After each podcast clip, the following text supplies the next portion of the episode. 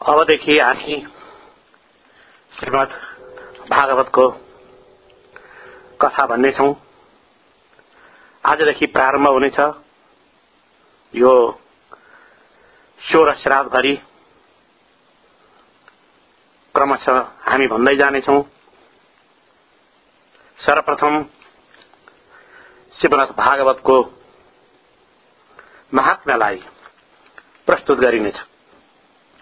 करारबिन्देन पदारबिन्दम् मुखारबिन्दे विनिवेशयन्तम्। वटस्य पत्रस्य पुटे शयानम् बालम् मुकुन्दम् मनसा स्मरामि। श्रीकृष्ण गोविन्द हरे मुरारे। हे नाथ नारायण वासुदेव। जीवे पिब दामोदर गोविन्ददामोदरमाधवेति। विक्रेतु कामाखिल गोपकन्या मुरारिपादार्पितचित्तवृत्तिः। गोविंद दामोदर गोविन्ददामोदरमाधवेति। गृहे गृहे गोपवधू कदम्बा సర్వే మిలిత్వా సమవాయ యోగే పుణ్యాని నామాని పఠంతి నిత్యం గోవింద దామోదర మాధవేతి సుఖం శయానా నిలయే నిజేపి నామాని విష్ణు ప్రవదంతి మర్త్యా తే నిశ్చితం తన్మయతం వ్రజంతి గోవింద దామోదర మాధవేతి सुखम् शयाना निलये निजेऽपि नामानि विष्णो प्रवदन्ति मर्त्या। ते निश्चितम् तन् मयता व्रजन्ति। गोविन्द दामोदर माधवेति जिह्वे सदैवम् भज सुन्दराणि नामानि कृष्णस्य मनोहराणि। समस्य भक्तार्तिविनाशनानि गोविन्द दामोदर माधवेति सुखावसाने तिरमेव सारम् दुःखावसाने तिरमेव गेयम्। देहावसाने तिरमेव जाप्यम् गोविन्द दामोदर माधवेति श्रीकृष्ण राधा वर गोकुलेश गोपाल गोवर्धननाथ विष्णो जिह्वे पिबसामृतमेतदेव गोविन्द दामोदर माधवेति। जिह्वे रसज्ञे मधुर प्रिया त्वम् सत्यम् हितम् त्वाम् परमम् वदामि। अवर्णयेथा मधुराक्षराणि, गोविन्द दामोदर माधवेति। याचे मम देहि जिह्वे समागते दण्डधरे कृतान्ते। वक्तव्यमेव मधुरम् सुभक्त्या गोविन्द दामोदर शान्ताकारम् भुजगशयनम् पद्मनाभम् सुरेशम् विश्वाधारम् गगनसदृशम् मेघवर्णम् शुभाङ्गम्। लक्ष्मीकान्तम् कमलनयनम् योगिभिर्ध्यानगम्यम् वन्दे विष्णु भवभयहरम् सर्वलोकैकनाथम्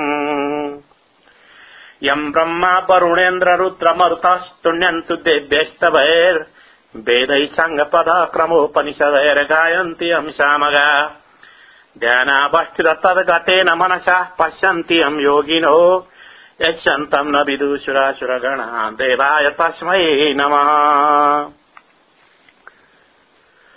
द्वापर युग सकियो कलयुगको प्रादुर्भाव भयो। यसका साथसाथै शुद्ध मानव समाजलाई बिथोल्न उसले धार्मिक कुरीति अनैतिक अवनति रिस राग द्वेष जस्ता अवगुणहरू समेतलाई पछि लगाएर ल्यायो। यता जीवहरूको स्थितिमा पनि कुनै सुधार नभएको देखेर महर्षि व्यास अत्यन्त चिन्तित हुनुभयो।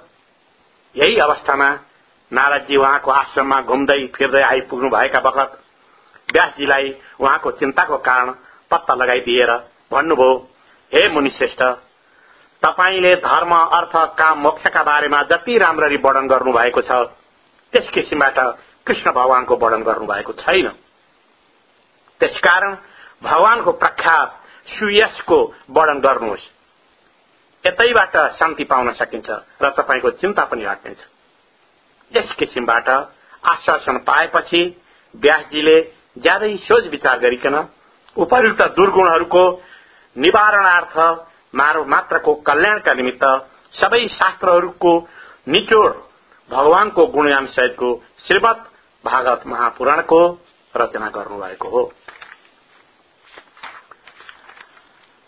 सच्चिदानन्द रूपाय विश्वोत्पत्त्यादि हेतवे तापत्रय विनाशाय। श्रीकृष्णाय वयम नुमः। जो जगतको उत्पत्ति स्थिति र विनाशको हेतु हुनुहुन्छ तथा जो तीनै प्रकारका तापको नाश गर्दै हुनुहुन्छ त्यस्ता सच्चिदानन्द स्वरूप भगवान श्रीकृष्णको हामीहरू वन्दना गर्दछौ। परमात्माका तीन स्वरूप शास्त्रहरूमा भनिएका छन् सत चित तथा आनन्द। सत प्रकट रूपबाट सर्वत्र छन्। चित्त मौन आनन्द अप्रकट छन्। जड वस्तुहरूमा सत तथा चित छन् तर आनन्द छैन। जीवमा सत र चित प्रकट गर्दछ तर आनन्द अप्रकट रहन्छ। अर्थात अप्रकट रूपबाट रहन्छ अव्यक्त रूपबाट छ। त्यसो त आनन्द यसको आफै भित्र नै छ। तै पनि मानिस आनन्दलाई आफ्नो बाहिर नै खोज्दछ। मानिस नारी देह धन सम्पत्ति आदिमा आनन्द खोज्दछ। बाहिरी रूप रंग सौन्दर्यमा आनन्द खोज्दछ। आनन्द तिम्रो आफ्नै स्वरूप हो। आनन्द त तिमी भित्रै छ। यस आनन्दलाई जीवनमा कुन किसिमबाट प्रकट गर्ने हो यही भागवत शास्त्रले सिकाउँछ। दुधमा नौनी रहन्छ तर पनि त्यो देखिँदैन। तर दुधबाट दही बनेर दही मथेपछि नौनी देखिन थाल्छ। ठिक यस्तै प्रकारले मानवलाई मनोमन्थन गरेर आनन्दलाई प्रकट गर्नु छ। दूधमा जसरी नौनीको अनुभव हुँदैन। सोही प्रकार सर्वत्र भएको ईश्वरलाई तैपनि त्यसको अनुभव हुँदैन। जीव हुन त ईश्वरकै रूप हो। तापनि यस ईश्वरलाई चिन्ने यत्न गर्दैन। त्यसै कारणले जीवलाई आनन्द भेटिएको छैन। कोही पनि कस्तै जीव होस् त्यसलाई ईश्वरसँग मिल्नु छ। नास्तिक भन्ने नास्तिक पनि थाकेर हारेर गलेर अन्त्यमा शान्ति नै खोज्दछ। तैतरीय उपनिषदमा आनन्दको अनेक प्रकारले उल्लेख भएको छ। तर यिनमध्ये दुई आनन्द छ साधनजन्य आनन्द स्वयं सिद्ध आनन्द। साधनजन्य आनन्द अर्थात विषयजन्य आनन्द। जो साधन या विषयको नाश भएपछि त्यो आनन्दको पनि नाश हुन्छ। योगीहरूका साथ केही पनि साधन या विषय हुँदैन तापनि तिनीहरूलाई आनन्द छ। अर्थात सदा आनन्दका साथ बस्दछन्। यसले सिद्ध हुन्छ कि आनन्द भित्र नै छ। सत चित आनन्द ईश्वरमा परिपूर्ण छ। परमात्मा परिपूर्ण सतरूप परिपूर्ण चितरूप परिपूर्ण आनन्द स्वरूप हुनुहुन्छ। परमात्मा श्रीकृष्ण परिपूर्ण आनन्द स्वरूप हुनुहुन्छ। बिना ईश्वरको संसार अपूर्ण छ।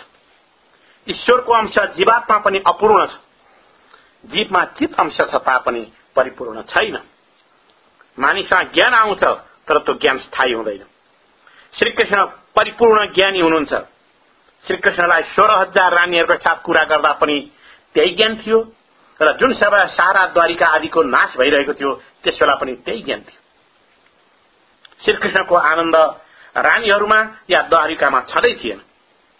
सबैको विनाश भइरहेको थियो तापनि श्रीकृष्णको आनन्दको विनाश भएको थिएन। कारण श्रीकृष्ण त स्वयं आनन्द स्वरूप हुनुहुन्छ। सत्य नित्य हो चित्त ज्ञान हो चित्त शक्ति अर्थात ज्ञान शक्ति। मानिस आफ्नो स्वरूपमा स्थित छैन त्यस कारणले यसले आनन्द पाउँदैन। मानिस जुन किसिमबाट बाहिर विवेक राख्दछ त्यस्तो घरमा राख्दैन। मानिस एकान्तमा स्वरूपमा स्थित रहँदैन जबकि उत्पत्ति स्थिति र समार लीलामा श्री भगवानको स्वरूपमा कुनै परिवर्तन हुँदैन। भगवानले समारलाई पनि आफ्नो लीला नै मान्नु भएको छ। उत्पत्ति स्थिति र समार भगवानको लीला हो। परमात्मा तिनैमा आनन्द मान्नुहुन्छ र आफ्नो स्वरूपमा स्थिर रहनुहुन्छ। जसको ज्ञान नित्य रहन्छ त्यसले नै आनन्द पाउँछ। त्यो नि आनन्दमय हुन्छ। जीवलाई यदि आनन्द रूप हेर्नु पर्ने हो भने त्यसले सच्चिदानन्दको आश्रय लिनुपर्ने हुन्छ। यो जीव यतिन्जेलसम्म परिपूर्ण हुँदैन जबसम्म त्यसले शान्ति पाउँदैन। आनन्द पाउँदैन। संसारको प्रत्येक पदार्थ परिणाममा विनाशी हुने हुनाले परिपूर्ण छैन। परिणाम स्वरूप यो त भगवान श्री नारायण नै हुनुहुन्छ। जसले प्रभु नारायणलाई चिन्दछ र नारायण साथ मनलाई तदाकार गर्छ त्यसको मन नारायणका साथ एक हुन जान्छ। केवल त्यही जीवात्मा नै श्री नारायण स्वरूप बन्दछ त्यो नै परिपूर्ण हुन्छ। अनि जीवको जीवन सफल हुन्छ। जीव जबसम्म अपूर्ण छ त्यतिन्जेलसम्म जीवलाई शान्ति हुँदैन। जीव जब ईश्वरसँग मिल्छ र त्यसको अपरोक्ष साक्षात्कार गर्छ भने जीव परिपूर्ण हुन जान्छ। परमात्मा श्रीकृष्णको दर्शन पाउनलाई नै यो मनुष्यको जन्म भएको छ। मानवले पनि श्री भगवानको दर्शन गर्न सक्दछ। पशुलाई त आफ्नो स्वरूपको पनि भान हुँदैन। भने त्यो विचाराले परमात्माको दर्शन गर्नु पनि कसरी? परमात्माको दर्शन बिना जीव जीवन सफल हुँदैन जसले परमात्माको दर्शन गर्दछ त्यसको जीवन सफल हुन्छ यो जीव अनेक वर्षदेखि अनन्त जन्मदेखि भोग भोग्दै आइरहेको छ र पनि यसले शान्ति पाएको छैन यो शान्ति त त्यतिन्जेलसम्म पाइन्छ जब जीवलाई परमात्माको दर्शन पाइने हुन्छ श्रीकृष्ण परमात्माको दर्शन बिना जीवलाई परिपूर्ण शान्ति पाइँदैन शास्त्रहरूमा दर्शनको तीन प्रकार बताइएका छन्। स्वप्नमा प्रभुको दर्शन गरेर पाउनु यसलाई साधारण दर्शन भनिन्छ। मन्दिर मूर्तिमा परमात्माको दर्शन गरेर पाउनु यसलाई मध्यम दर्शन भनिन्छ। र ईश्वरको अपरोक्ष दर्शन गर्नु यसलाई उत्तम दर्शन भनिन्छ। परमात्माको प्रत्यक्ष साक्षात साक्षात्कार जब हुन्छ अनि जीवन सफल हुन्छ। वेदान्तमा साक्षात्कारको दुई प्रकारको वर्णन गरिएको छ। परोक्ष ज्ञानको साक्षात्कार र अपरोक्ष ज्ञानको साक्षात्कार। जसले ईश्वर कुनै एक स्थानमा छ भन्छ त्यसलाई परोक्ष साक्षात्कार गर्नुपर्छ ईश्वर बिना केही छैन ईश्वर नै सबै कुरा हो। म पनि ईश्वरदेखि भिन्न छैन। यो चाहिँ ईश्वरको अपरोक्ष साक्षात्कार हो। जसलाई म स्वयं ब्रह्म हुँ अर्थात् अहम ब्रह्मास्मि यस्तो ज्ञान हुन्छ। त्यसलाई अपरोक्ष साक्षात्कार भएको जस्तो भनिन्छ। हेर्नेवालाले ईश्वरलाई देख्न साथ ईश्वरमय बनिहाल्छ अनि त्यसलाई ईश्वरको अपरोक्ष साक्षात्कार हुन्छ। ईश्वर नै सबमा अनुभव गर्दा गर्दै जो त्यसमा नै एक रूप भइहाल्छ त्यसले नै ईश्वरको परिपूर्ण स्वरूपलाई जान्न सक्दछ चिन्न सक्दछ र वेदान्तमा यसैलाई अपरोक्ष साक्षात्कार भन्दछन्। ईश्वर जगतमा कुनै एक स्थानमा हुनुहुन्छ भन्ने यो ज्ञान पनि अपूर्ण छ। ईश्वर सर्वव्यापक हुनुहुन्छ। उहाँ केवल एक मूर्तिमा या एक मन्दिरमा रहन सक्नुहुन्न। अट्न सक्नुहुन्न। सीमित घेराभित्र छेक्किन सक्नुहुन्न। मन्दिरमा प्रभुको दर्शन गरिसकेपछि ज्ञानी पुरूषको दृष्टिमा जता जता जान्छ त्यता त्यता नै भगवानको रूपको दर्शन हुन्छ। मन्दिरमा प्रभुको दर्शन गरेर बाहिर आएपछि प्रत्येकमा परमात्माको दर्शन पाउनुपर्छ। यही ईश्वरको असाधारण दर्शन हो। जो परमात्मामा ममा हुनुहुन्छ उहाँ सबमा हुनुहुन्छ यस प्रकार अखिल जगत जसलाई ब्रह्मस्वरूप देखिन्छ त्यो नै ज्ञानी हो।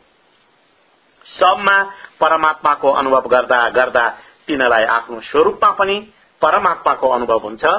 परमात्माको परोक्ष दर्शनको कुनै विशेष लाभ हुँदैन। तर जीव जब परमात्माको अपरोक्ष दर्शन गर्दछ तब नै कृतार्थ हुन्छ। ज्ञानी पुरूषलाई त आफ्नो स्वरूपमा पनि श्री भगवान देखिनुहुन्छ। यही नै अद्वैत हो। श्रीकृष्ण लीलाहरू यस निमित्त हुन् कि यी लीलाहरूको चिन्तन गर्ने गोपीहरू आफ्नो स्वरूपमा पनि परमात्माको अनुभव गर्दछ गोपीहरूलाई आफ्नो स्वरूपको विस्मरण भएको छ र भन्दछन् म नै कृष्ण हुँ। आफ्ना प्यारा कृष्णको सबैमा अनुभव गरी छँदा गोपिनीहरू श्री कृष्णमय बन्न गएका छन्।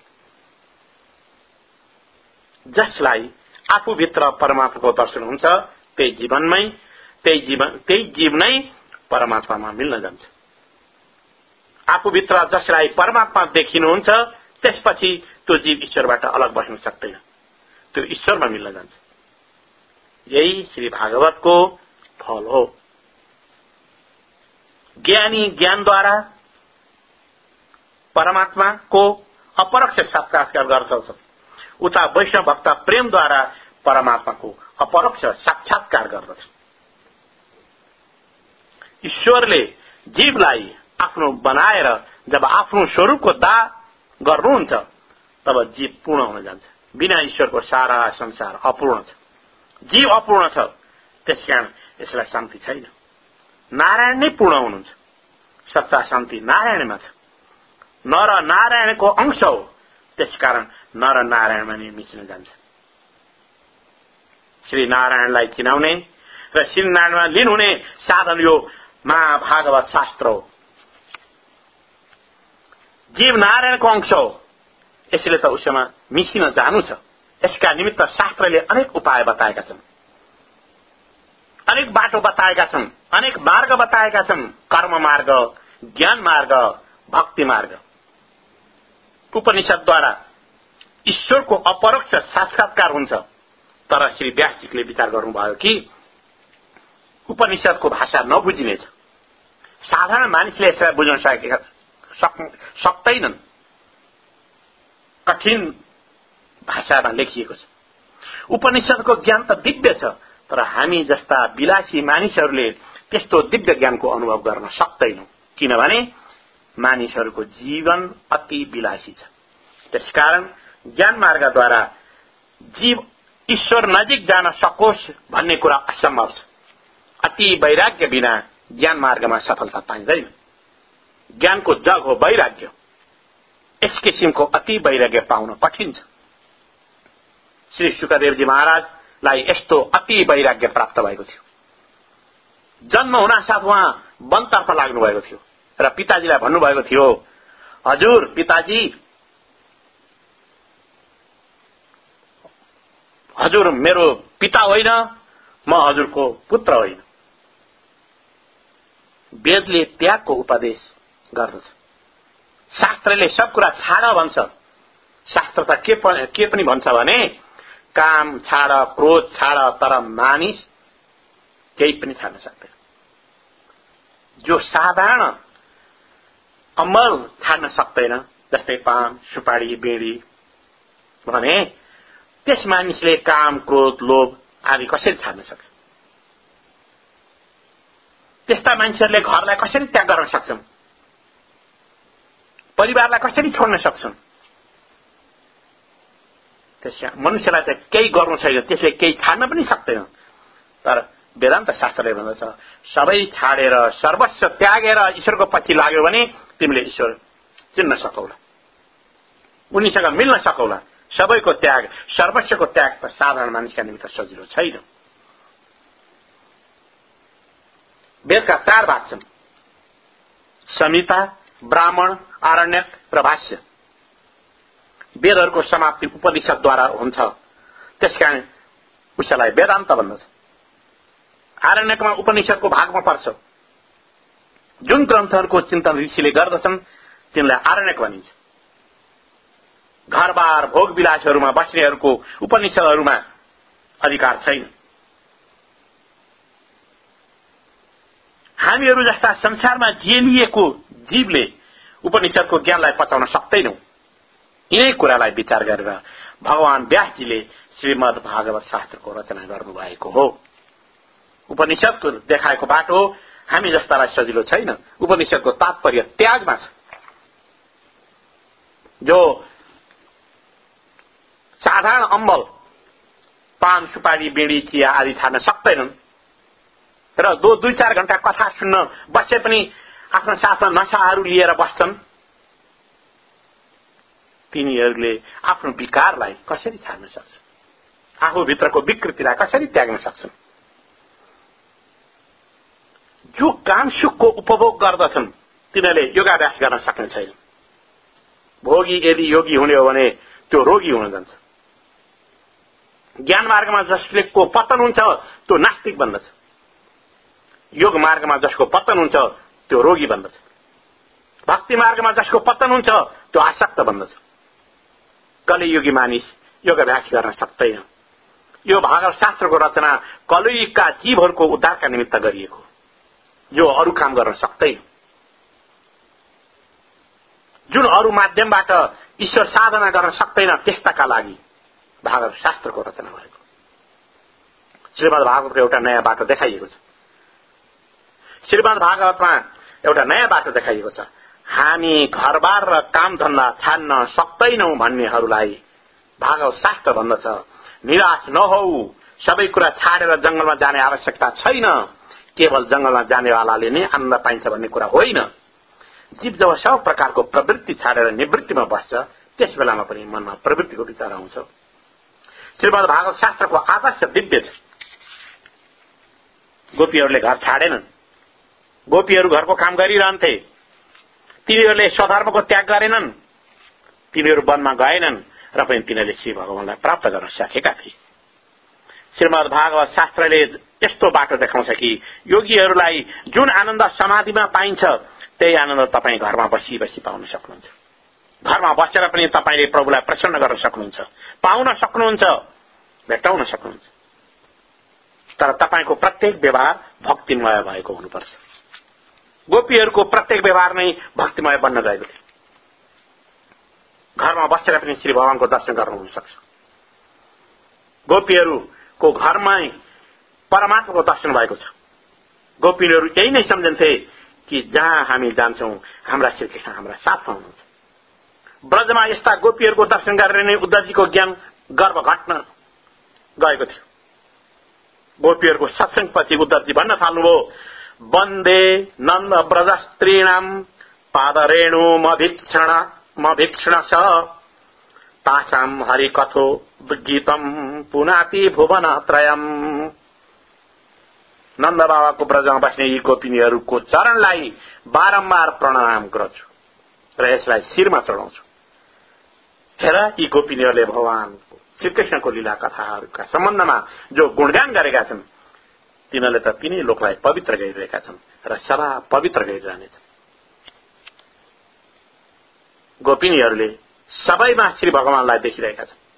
उनीहरू भन्छन् यो वृक्षमा लतामा फूलमा फलमा मलाई मेरा प्रभु देखा पर्नुहुन्छ। मेरा कृष्ण त मलाई छाडेर जानु नै हुन्। गोपिनीहरूलाई घरमा नै श्री परमात्माको साक्षात्कार भएको छ। श्रीमद भागवतमा भनेको छ घरमा नै बस। आफ्नो व्यवहार गर। तापनि परमात्मालाई प्राप्त गर्न सक्छौ। घरमा बसेमा पाप लाग्दैन तर घरलाई मनमा राख्नु चाहिँ पाप सबैलाई साधु हुने आवश्यकता छैन। यदि तपाईँहरू सबैले सन्यास लिनुभयो भने साधु सन्यासीको स्वागत कसले गर्ला? उनको सम्मान कसले गर्ला? गोपिनीहरूको प्रेम लक्षणा भक्ति यति दिव्य छ कि उनीहरूलाई घरमा बस्दा पनि प्रभुको प्राप्ति भएको छ। श्रीकृष्ण रूप बनेका छन्। यस प्रकार श्रीकृष्णमा जसको मन मिसिन जाला त्यो श्रीकृष्ण रूप भइहाल्छ। यस्तो अलौकिक भक्ति मार्गको भगवान व्यास नारायणले यस भाग शास्त्रमा वर्णन गर्नुभएको छ र यसै भक्तिद्वारा परमात्माको साक्षात्कार हुनेछ। श्रीमद भागवतले तपाईँको प्रत्येक व्यवहारलाई पनि भक्तिमय बनाइदिनेछ। भागवतले व्यवहार र परमार्थको समन्वय गरिदिनेछ। तपाईँलाई यसले घरमा त्यही आनन्द दिनेछ जो आनन्द योगीले वनमा बसेर भोग्दछ। योगीहरूले समाधिमा जस्तो आनन्द पाउँछन् त्यस्तै आनन्द गृहस्थलाई पनि प्राप्त हुन सकोस् भन्नका लागि भागवत शास्त्र रचना गरिएको। संसारको विषय सुखहरूप्रति वैराग्य होस् र प्रभुमा प्रेम जागोस् यही नै श्रीमद भागवतको कथा लीलाको उद्देश्य हो। भागवत अर्थात भगवानलाई भेट्ने भेट्टाइदिने साधन हो। सन्तहरूको आश्रय लिने सन्त बन्दछ। भागवतको आश्रय लिने भगवान हुन्छ। भक्ति केवल मन्दिरमा मात्र हुने होइन तर जहाँ पनि बस्नुहोस् त्यहाँ नै हुन सक्दछ। यस भक्तिका निमित्त कुनै देश स्थान कालको आवश्यकता पर्दैन। भक्ति त चौबिसै घण्टा गर्नुपर्छ। भक्तिको समय र भोगको समय यस्तो भेद जसले गर्छ त्यसले भक्ति गर्न सक्दैन भक्ति अटुट गरिरहनुपर्छ निरन्तर गरिरहनुपर्छ चौबिसै घण्टा ब्रह्म सम्बन्ध बनाइराख्नुपर्छ सधैँ ध्यान राख्नुपर्छ सदा सावधान हुँदै जानुपर्छ र मायाका साथ सम्बन्ध मायाका साथ सम्बन्ध हुन नजाओस् भन्ने कुरातिर सतर्क हुँदै जानुपर्छ। जब वसुदेवजीले श्रीकृष्णलाई शिरमा राख्नुभयो तब उहाँको ब्रह्म सम्बन्ध भयो। जसले गर्दा हात गोडाहरू नेलहरू छिनिए। तर योग मायालाई लिएर जब फर्कनु भएको थियो त फेरि बन्धनमा पर्नु वसुदेवजीको ब्रह्म सम्बन्ध त भयो तर उहाँले यसलाई दिगो गराउन सक्नु भएन। ब्रह्म सम्बन्धलाई टिकाएर राख्नुपर्छ। ईश्वरको स्मरण छाड्नुहुन्न। भक्तले भगवानको साथ खेल्दछन्। जीव जो काम सब ईश्वरका निमित्त गर्दछ त प्रत्येक क्रिया भक्ति बन्न जान्दछ। भक्तिको विशेष सम्बन्ध मनका साथ छ र जसबाट भक्ति मनद्वारा हुँदैन त्यस्ताले तनबाट सेवा गर्नुपर्ने आवश्यकता छ। मानसिक सेवा श्रेष्ठ हो। साधु सन्त त मानसिक सेवामा तन्मय रहन्छन्। यस्तो सेवा तन्मयता भएका खण्डमा जीव कृतार्थ हुन जान्छ। भक्ति मार्गका गुरु गोपिलीहरू हुन्। उनको आदर्शलाई मन र आँखालाई का सामुन्य राख? ज्ञान मार्ग र योग मार्गबाट जुन ईश्वरको आनन्दको अनुभव हुन्छ त्यही आनन्दको अनुभव यस भक्तिबाट सहजै प्राप्त हुन्छ। ज्ञानी योगीहरूलाई जो ब्रह्मानन्द प्राप्त हुन जान्छ त्यही नै यस साधारण जीवात्मालाई पनि प्राप्त होस् भन्ने उद्देश्यले नै श्रीमद भागवतको रचना भएको यसमा त भगवानको भगवानको स्वरूप बताइएको छ। भगवान कस्ता हुनुहुन्छ भने तापत्रय विनाशाय श्रीकृष्णाय वयम नुम परमात्माको स्वरूप वर्णन गर्दै भनिएको छ तापत्राय विनाशाय दुःख मनको धर्म हो आत्माको होइन मानिस दुःखमा ईश्वरको स्मरण गर्दछ जसबाट उसको परमात्माका साथ गहिरो जाँच हुन जान्छ र उसले आनन्द पाउँछ जीवको स्वभाव राम्रो छैन परमात्माको शरीर हुन त सक्छ तर कहिले राम्रो पनि नहोस् कुर्मा अवतार बडा अवतारको शरीर सुन्दर थिएन तर श्री परमात्माको स्वभाव सुन्दर अतिशय सुन्दर छ अर्काको दुःख दूर गर्ने स्वभाव परमात्माको छ त्यसैले त श्री भगवान वन्दनीय हुनुहुन्छ आध्यात्मिक आदि दैविक तर आदि भौतिक तिनै प्रकारको तापलाई नाश गरिदिनु हुने भगवान श्रीकृष्णको हामी वन्दना गर्दछौं धेरै मानिसहरू सोध्दछन् कि वन्दना गर्नाले के लाग्छ वन्दना गर्नाले पाप ताप डढ्दछ। श्री राधा कृष्णको वन्दनाले तिम्रो सारा पाप नष्ट हुनेछ तर वन्दना गर्दा एक्लै शरीरद्वारा होइन मनबाट पनि गर। अर्थात श्रीकृष्णको हृदयमा सम्झना गर। उनीहरूलाई प्रेम साथ नमस्कार गर। नमस्कारले प्रभुलाई बन्धनमा पारिदिन्छ। दुःखमा जसले मद्दत गराउँछ त्यो ईश्वर हो। र सुखमा जसले साथ दिन्छ त्यो जीव हो। ईश्वरले सदा दुःखमा नै साथ दिनुहुन्छ। त्यसैले ईश्वर बन्धनीय हुनुहुन्छ ईश्वरले जस जसलाई सहायता दिएको छ उसलाई दुःखमा नै सहायता दिएको छ। पाण्डव जबसम्म दुःखमा थिए त्यति बेलासम्म श्रीकृष्णजीले उनको मद्दत गर्नुभयो। तर जब सिंहासनमा बसे तब श्रीकृष्ण पनि त्यहाँबाट हिँडिदिनु भयो ईश्वर जसलाई पनि भेट्नुभयो उहाँ दुःखमा नै भेटिनु भएको छ। सुखका साथी जीव र दुःखका साथी ईश्वर हो। यस कुराको सदा मनन गर्नु पर्दछ मानिस धन पाउनका निम्ति जति प्रयत्न गर्छ र दुःख सहन गर्छ त्यसभन्दा पनि धेरै कम प्रयत्न यदि ईश्वरका निमित्त गर्छ भने त्यसलाई ईश्वर अवश्य भेटिनुहुनेछ कृष्णले नबोलाएर पनि गोपिनीहरूको घरमा जानुहुन्थ्यो तर उहाँ मेरो घरमा किन आउनुहुन्न? यस्तो कहिल्यै विचार पनि हामीले गरेका छौं तिमीले गरेका छौ। गोपिनीहरूको घरमा जाने कृष्ण हाम्रा घरमा किन आउँदैन? त्यस कारणले हामी पनि निश्चय गरौं कि हामी सत्कर्म गर्नेछौ र कृष्ण पनि हाम्रा घरमा आउनुहुनेछ। श्री भगवानका सामान्य हात जोड्नु शिर निहुराउनु यसको अर्थ के हो? हात क्रिया शक्तिको प्रतीक हो। हात जोड्नुको अर्थ हो म यी हातहरूले सत्कर्म गर्नेछु। शिर नुहाउनुको अर्थ हो म आफ्नो बुद्धि शक्तिलाई हेना तपाईँमा अर्पित गर्छु। वन्दना गर्नुको अर्थ हो आफ्नो क्रिया शक्ति र बुद्धि शक्ति श्री भगवानलाई चढाउँछु। श्री भगवानलाई वन्दना गर्नाले पाप तापको नाश हुन्छ। निर्भय हुने हो भने प्रेमले श्रीकृष्णको वन्दना गर। मेरा भगवान दयाका सागर होइ बसिन्छ। केवल बाणी र शरीरद्वारा होइन हृदयद्वारा पनि वन्दना गर। हृदयबाट वन्दना गर्नाले श्री भगवानका साथ ब्रह्म सम्बन्ध हुन जान्छ। जहिले पनि घरबाट बाहिर निस्केर श्री भगवानको वन्दना गरेर नै निस्क ईश्वर प्रेम चाहनुहुन्छ र प्रेम नै दिनुहुन्छ। ईश्वर यही सम्झनुहुन्छ कि यो मेरो हो र मसँग भिक्षा मागिरहेको। वन्दना गर्नाले ईश्वरका साथ सम्बन्ध हुन जान्छ। यस जीवको स्वभाव यस्तो छ कि त्यो वन्दना गर्दैन। घरभित्र पस्न साथ घरमा पत्नी भइन् भने आफ्नो बालकसँग सोध्दछ तेरियामा कहाँ गई? घरभित्र पस्न साथ घरमा पत्नी भइनन् भने आफ्ना बालकसँग सोध्दछ तेरियामा कहाँ गई? तर यसको के आवश्यकता? तिमी बाहिर गएको भए पनि तिमी बसेर राम राम भन। ईश्वरको भजन गर। जहाँबाट आए पनि ईश्वरको वन्दना गर।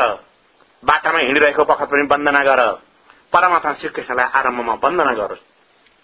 यो जीवले प्रेम साथ परमात्मालाई प्रणाम गर्यो भने ऊ पर परमात्मा प्रसन्न हुनुहुन्छ। यस जीवले अरू केही नगरे पनि यति त गरोस् कि परमात्मालाई बारम्बार वन्दना गरोस्। वन्दना गर्यो भने सद्भावनाले गर। प्रभुको ममाथि अनन्त उपकार छन्। श्री परमात्माले हामीमाथि कति उपकार गर्नुभएको छ? बोल्न र खानलाई जिब्रो दिनुभएको छ। हेर्नलाई आँखा दिनुभएको छ। सुन्नलाई कान दिनुभएको छ। विचार गर्न मन दिनुभएको छ। बुद्धि र विचार शक्ति पनि परमात्माले नै दिनुभएको छ। ईश्वरको उपकारलाई सम्झना गर र भन हे भगवान म हजुरको ऋणी छु। यस्तो उत्तम भावनाका साथ वन्दना गर भन मेरा प्रभु हजुरले ममाथि कृपा गर्नुभएको छ। हजुरका कृपाले म सुखी छु। मेरो पाप त अनन्त छ तर हेन हजुरको कृपाले पनि अनन्त छन् हजुरका कृपा पनि अनन्त छन् म माथि श्री परमात्माको वन्दना उत्तम भावपूर्वक गर्यो भने त्यो अवश्य सफल हुन जानेछ।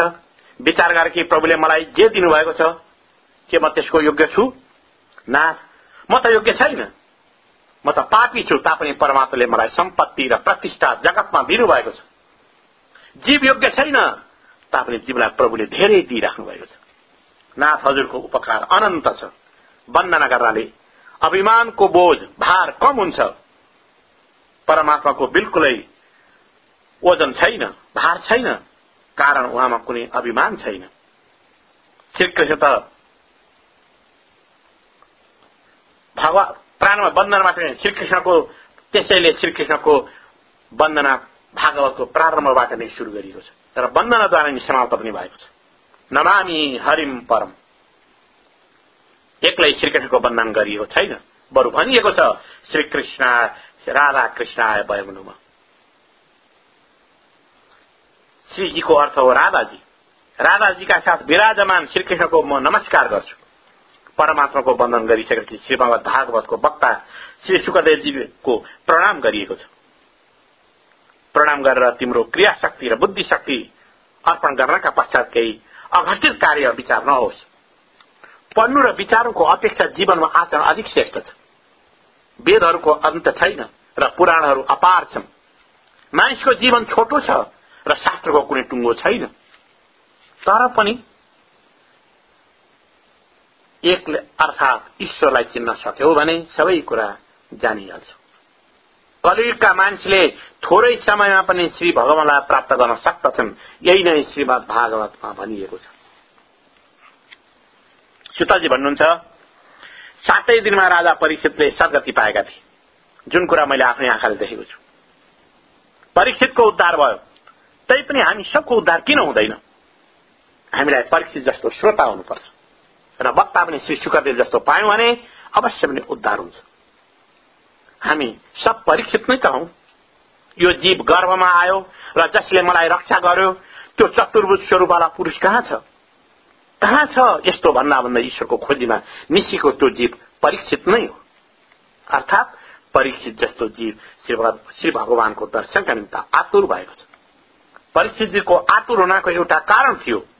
उहाँले थाहा पाइसक्नु भएको थियो कि सात दिन सातौं दिनमा मेरो मृत्यु हुनेछ।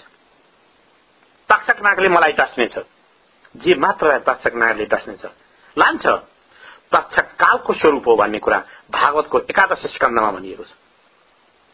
काल रूपी तक्षक कसैलाई छाड्दैन।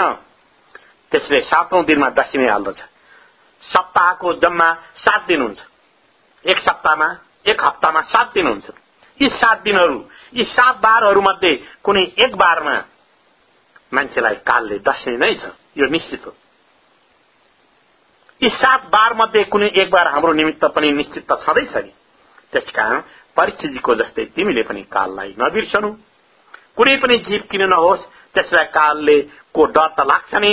मृत्युको भय केवल मानिसलाई मात्रै लाग्दछ भन्ने कुरा होइन। ब्रह्माजीलाई पनि कालको भय ब्रह्माजीलाई पनि मृत्युको भय छ। श्री भागवतले मानिसलाई निर्भय बनाउँछ। भागवतमा लेखिएको छ कि ध्रुवजीले मृत्युको शिरमाथि पाउ राखेर स्वर्ग जानुभएको थियो। परीक्षित राजाले कथा समाप्त भएपछि भन्नुभएको छ कि मलाई अब कालको भय रहेन। मलाई कालको भय लाग्दैन। भागवत सुनेर परमात्मा साथ प्रेम गरेपछि त्यसलाई कालको भय लाग्दैन। जसले भागवतको आश्रय लिन्छ त्यो निर्भय हुन्छ। मानिस मृत्युलाई अमंगल मान्दछ नराम्रो मान्दछ। डरलाग्दो ठान्दछ। तर त्यो मृत्यु अमंगल होइन। डरलाग्दो होइन। मृत्यु परमात्माको सेवक हो। अत मंगल पनि छ। मृत्यु राम्रो पनि हो। परमात्मालाई लाग्दछ कि मेरो बालक अब योग्य बनेको छ भनेर नै उहाँ मृत्युलाई आज्ञा दिनुहुन्छ कि यस जीवलाई समातेर ल्याओ। जसलाई पाप गर्नको विचार पनि आउँदैन। त्यसको मृत्यु मंगलमय हुन्छ। जीवनमा मनुष्यले मृत्युको साँच्चीकै भय राख्दैन त्यसै कारणले त्यसको जीवन पनि। जीवनमा मनुष्यले मृत्युको साँच्चीकै भय राख्दैन त्यसै कारणले त्यसको जीवन पनि बिग्रन जान्छ र मरण पनि। अन्तकालमा मानिस जसरी आत्तिन्छ त्यो कालको डरले होइन। तर आफूले गरिसकेको पापको सम्झनाले भएको। पाप गर्ने समय त मानिस डराउँदैन। डराउँछ त केवल जबकि पापहरूको सजाय भोग्ने बेला आइपुग्छ त्यस बेला डराउँछ। व्यवहारमा मानिस एक अर्काको डर मान्दछ। सामान्य कारिन्दाले मालिकको भय गर्छ। सामान्य खरबारले अधिकारीको भय गर्छ। आफूभन्दा ठूलो हाकिमको भय गर्छ। तर मनुष्यले कुनै पनि दिन ईश्वरको भय नराखेको हुनाले नै त्यो दुखी हुन्छ। भागवतले मानिसलाई निडर बनाइदिन्छ। श्री भागवतको आश्रय लिनाले निडर होइन्छ म आफ्नो परमात्मा श्रीकृष्णको अंश। हौ म भगवानको हुँ। यही पैसा खल्तीमा भएको खण्डमा त मानिसलाई सास आउँछ भने। केही पैसा मानिसले खल्तीमा बोकेर हिँड्यो भने त सास आउँछ भने। तपाईँले जब परमात्मालाई साथ सधैँ लिएर डुल हिँड्नु भएको छ घुमफिर गर्नु भएको छ भने अवश्य पनि तपाईँ निर्भय हुनुहुन्छ। यसमा के आश्चर्य भयो?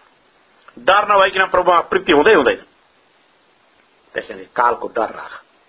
कालको मृत्युको डरले गर्दा प्रभुमा प्रेम बढ्छ। त्यसकारण कालको पापको धर्मको डर सधैँ राख्नुपर्छ। मानिसले यदि सधैँ कालको डर राख्छ भने उसबाट पाप पनि हुँदैन। निडर हुनु छ भने पाप गर्न छाडिदेऊ श्री भाव शास्त्रले हामीलाई निर्भय बनाइदिन्छ। मानिसलाई अरू कसैको भय चाहिँ नलागोस् तर कालको भय त यसलाई लागि नै रहन्छ। कामको नाश गरेर भक्ति र प्रेममय जीवन जसले बिताउँछ त्यसले कालमाथि पनि विजय प्राप्त गर्छ। काललाई जसले मार्दछ त्यसले कालको मार खानु पर्दैन। कामको कालको मारबाट छुटकारा पाउनु छ भने परमात्मा साथ अतिशय प्रेम गर्नुपर्छ। ईश्वरसँग प्रेम नगरिकन यी काम क्रोध आदि विकार जाँदैनन्। परमात्माका साथ प्रेम गर्यो भने कालको भय लाग्ने नै छैन। ध्रुवजी कालको शिरमाथि पाउ राखेर वैकुण्ठ धाम जानुभएको थियो। काल नै तक्षक नागको स्वरूप हो। काल रूपी तक्षक कसैलाई पनि छाड्दैन। कसैमाथि पनि यस काललाई दया आउँदैन। त्यस कारण यसै जन्ममा नै यस कालमाथि विजय प्राप्त गर। जब जन्मिन्छ त्यसै बेला नै मृत्युकाल र मृत्युका कारण निश्चित गरिदिन्छ। पाप गर्नमा मानिस पनि जति सावधान होसियार रहन्छ त्यति नै पुण्य गर्दामा रहँदैन। पाप प्रकट भयो भने जगतमा बदनाम होला भन्ने सोचेर पापलाई एकाग्र चित्त गरेर गर्दछ। यसै कारणले अन्त्यकालमा उसैलाई पापको सम्झना हुन्छ। त्यसैले अन्त्यकालमा मन आत्तिन्छ डराउँछ। आफूले गरेको पाप प्रत्यक्ष देखिन्छ। त्यसले बुद्ध छ कि मैले मर्नका निमित्त कुनै तयारी गरेको नै छैन। मेरो के हुने होला? मानिसले अरू सबै कामको निमित्त तयारी गर्दछ। तर मर्नका निमित्त कुनै तयारी गर्दैन। जुन प्रकारले विवाहको तयारी गर्छौ उसै प्रकार खुसी साथ विस्तार विस्तार मरणका निमित्त पनि तयार गर। मृत्युका निमित्त सदा सावधान हौ। मृत्यु भनेको परमात्मालाई विगत जीवनको हिसाब बुझाउने पवित्र दिन हो। मृत्यु भनेको परमात्मालाई विगत जीवनको हिसाब बुझाउने पवित्र दिन हो। श्री भगवानले सोध्नु होला मैले तिमीलाई आँखा दिएको थिएँ तिनीबाट तिमीले के गर्यौ? तिमीलाई तन मन दिएको थिएँ तिनीबाट तिमीले के गर्यौ? यस हिसाब किताबमा जब गडबडी हुनेछ अनि त नै भइहाल्यो नि डराउने भइहाल्यो नि। साधारण मानिस कर अफिसरलाई आफ्नो हिसाब किताब बुझाउन सकेर भने त डराउँछ। झन् प्रार्थना। भने भगवानसँग नडराउने कुरै भएन। त्यसैले एक वर्षको हिसाब किताब बुझाउनका निमित्त कर अधिकृतसँग डर लाग्छ भने जिन्दगीभरको हिसाब किताब बुझाउनका निमित्त प्रभुसँग कति ठूलो डर लाग्दो होला। त्यसैले जीवनभर गरेका कर्महरूको हिसाब नबुझाइ हुँदैन धर छैन।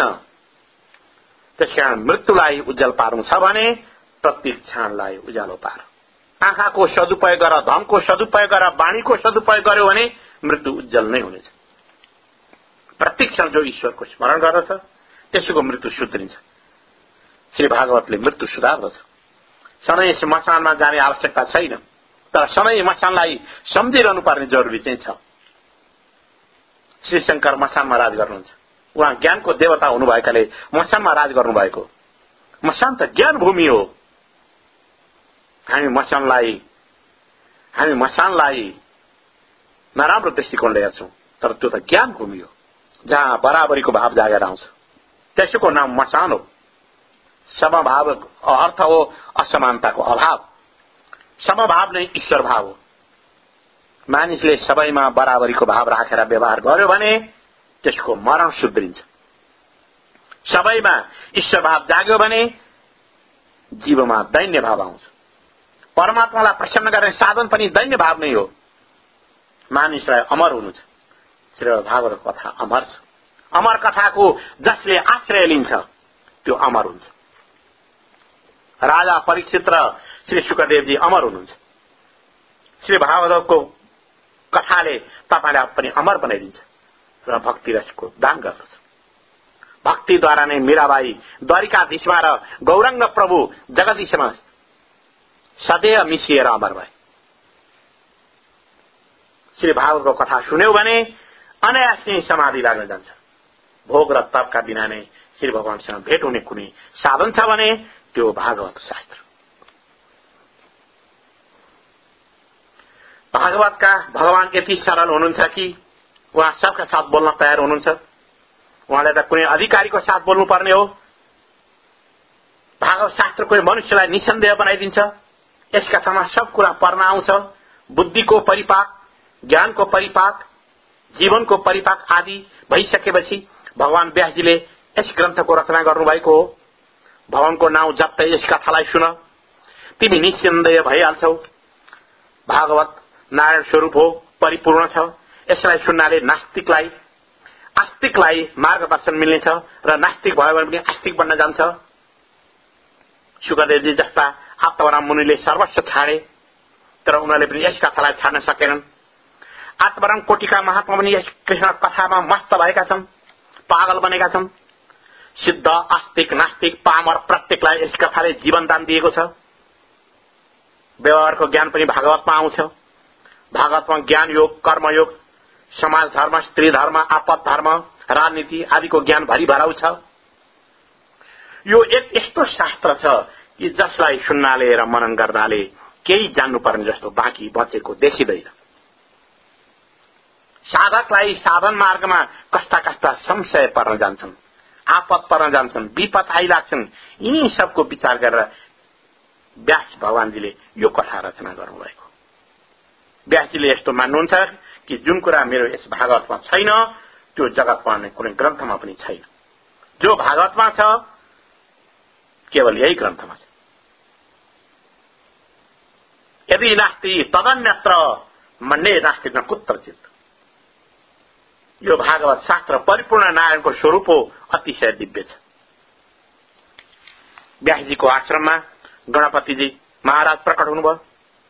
भागवतको सृष्टि रचना व्यासजीले भन्नुभयो मलाई भागवत शास्त्रको रचना गर्नु छ। तर यसलाई लेखिदिने कसले? गणेशले भन्नुभयो बडो खुसीको कुरा हो म लेखिदिनु तयार छु। तर म एक क्षण पनि खाली बस्दिन। गणेशको वाहन मुसो हो। र त्यो मुसालाई उद्योगपतिहरूले रिद्धि र सिद्धिको रूपमा लिँदछन्। निरन्तर उद्योग गरेका खण्डमा रिद्धि र सिद्धि तिम्रा दास हुनेछन्। एक क्षण पनि ईश्वरको चिन्तन बिना नबस।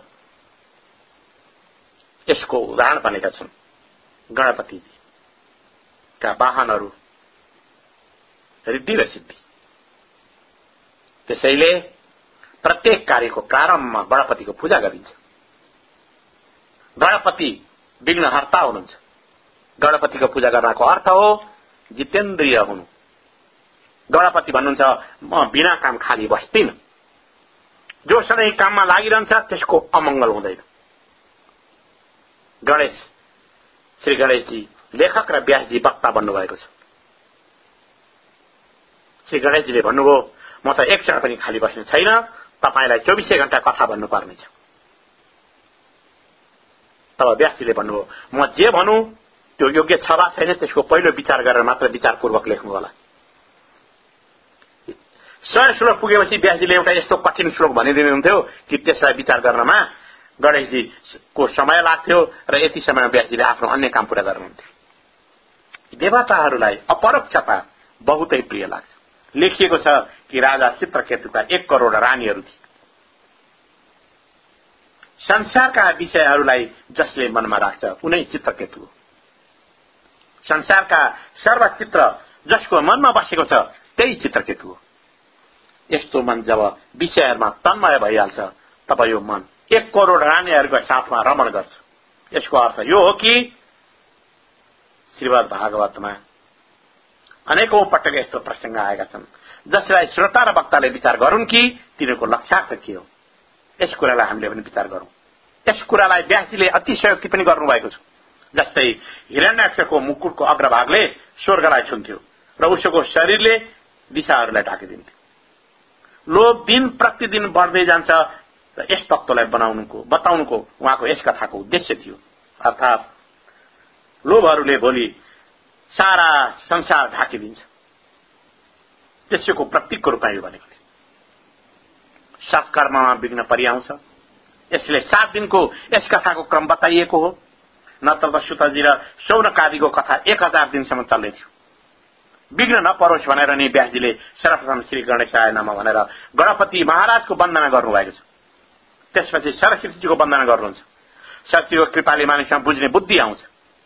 फेरि सद्गुरूको वन्दना गर्नुहुन्छ र यसपछि भागवतको प्रधान देव श्रीकृष्णको वन्दना गर्नुहुन्छ। मैले श्री भागवत शास्त्रको रचना त गरेँ तर यस ग्रन्थको प्रचार कसले गरिदेला? व्यासजीले वृद्ध अवस्थामा यस ग्रन्थको रचना गर्नुभएको छ। त्यसकारण स्वयं उहाँले यस ग्रन्थको प्रचार गर्न पाउनु भएन।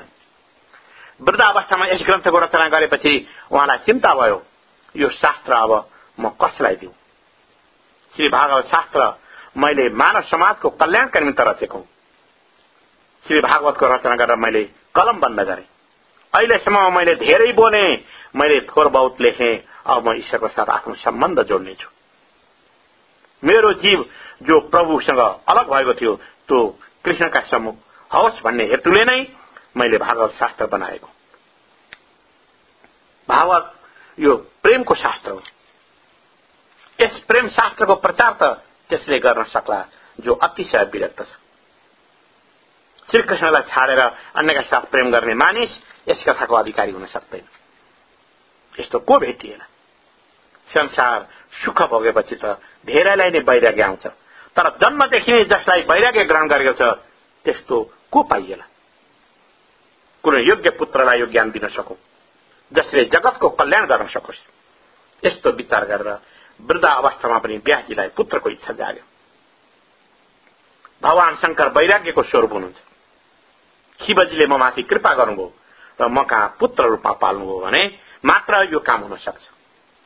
रुद्रको जन्म हुन्छ तर महारुद्रको जन्म हुँदैन। भगवान शिव परब्रह्म हुनुहुन्छ। उहाँको जन्म नै छैन। अब शिवजी महाराजले जन्म धारण गर्नु भने त यस भागवतको प्रचार गर्नु पर्ला।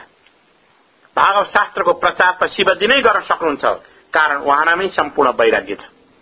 जन्मदेखि नै जसलाई वैराग्य हुन्छ त्यसैले श्री भागवतको प्रचार गर्न सक्छ। श्री सुखदेवजीमा सम्पूर्ण वैराग्य छ। व्यासजीले श्री शंकरजीको आराधना गर्नुभयो। शिवजी महाराज प्रसन्न हुनुभयो। व्यासजीले माग्नुभयो समाधिमा जो आनन्द हजुर भोग्नुहुन्छ त्यही आनन्द जगतलाई दिनका निमित्त हजुर मेरो घरमा पुत्र रूप भएर पाल्नुहोस्।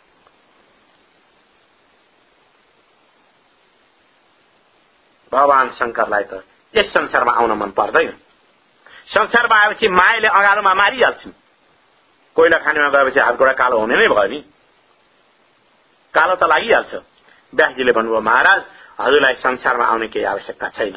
तर अनन्त जीवहरूको कल्याण गर्नलाई हजुरको कृपा गर्नुहोस् र आउनुहोस्। हजुरलाई मायाले कसरी प्रभावित गर्न सक्छ? शिवजीले विचार गर्नुभयो कि समाधिमा म आनन्दको अनुभव गर्छु। यदि यस्तो आनन्द जगतलाई नदिउँ त म स्वार्थी कहलिन्छु।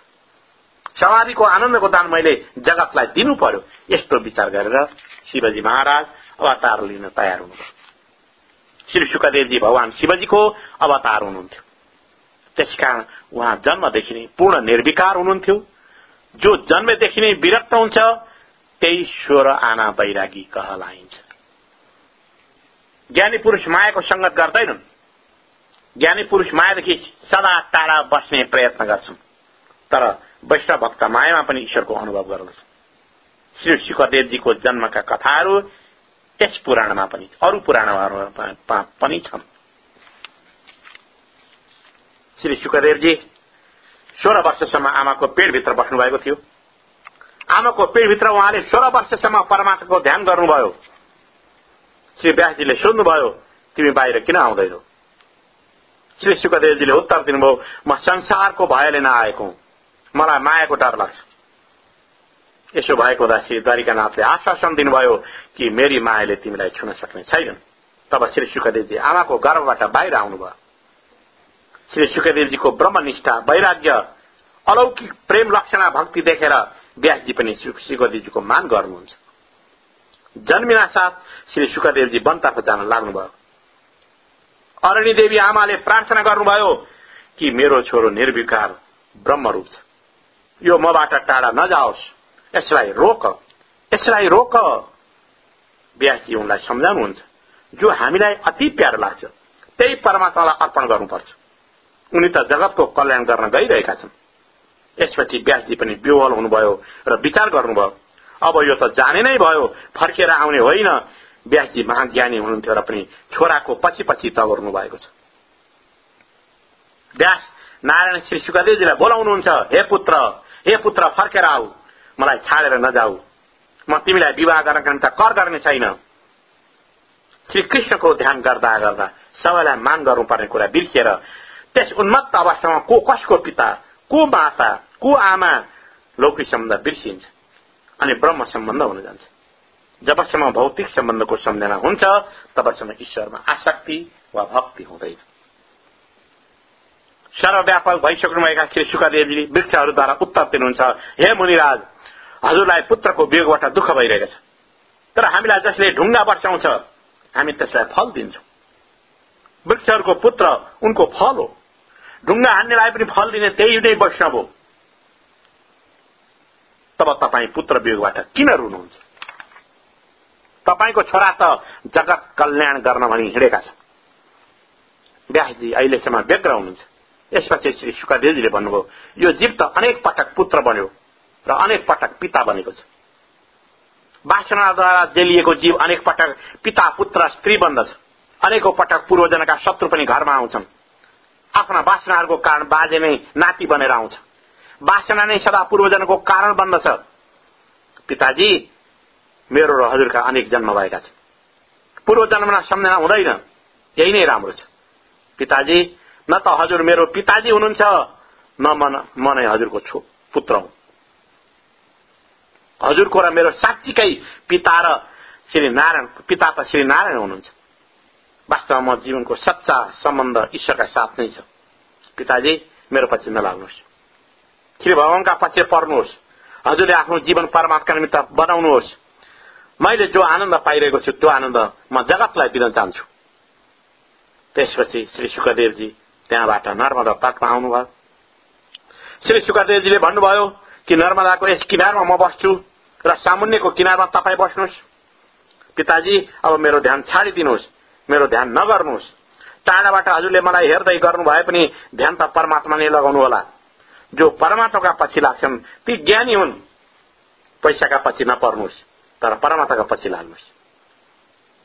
भागवतको कथा सुनेपछि तपाईँ पनि परमात्माको पछि लाग्नुहोस्।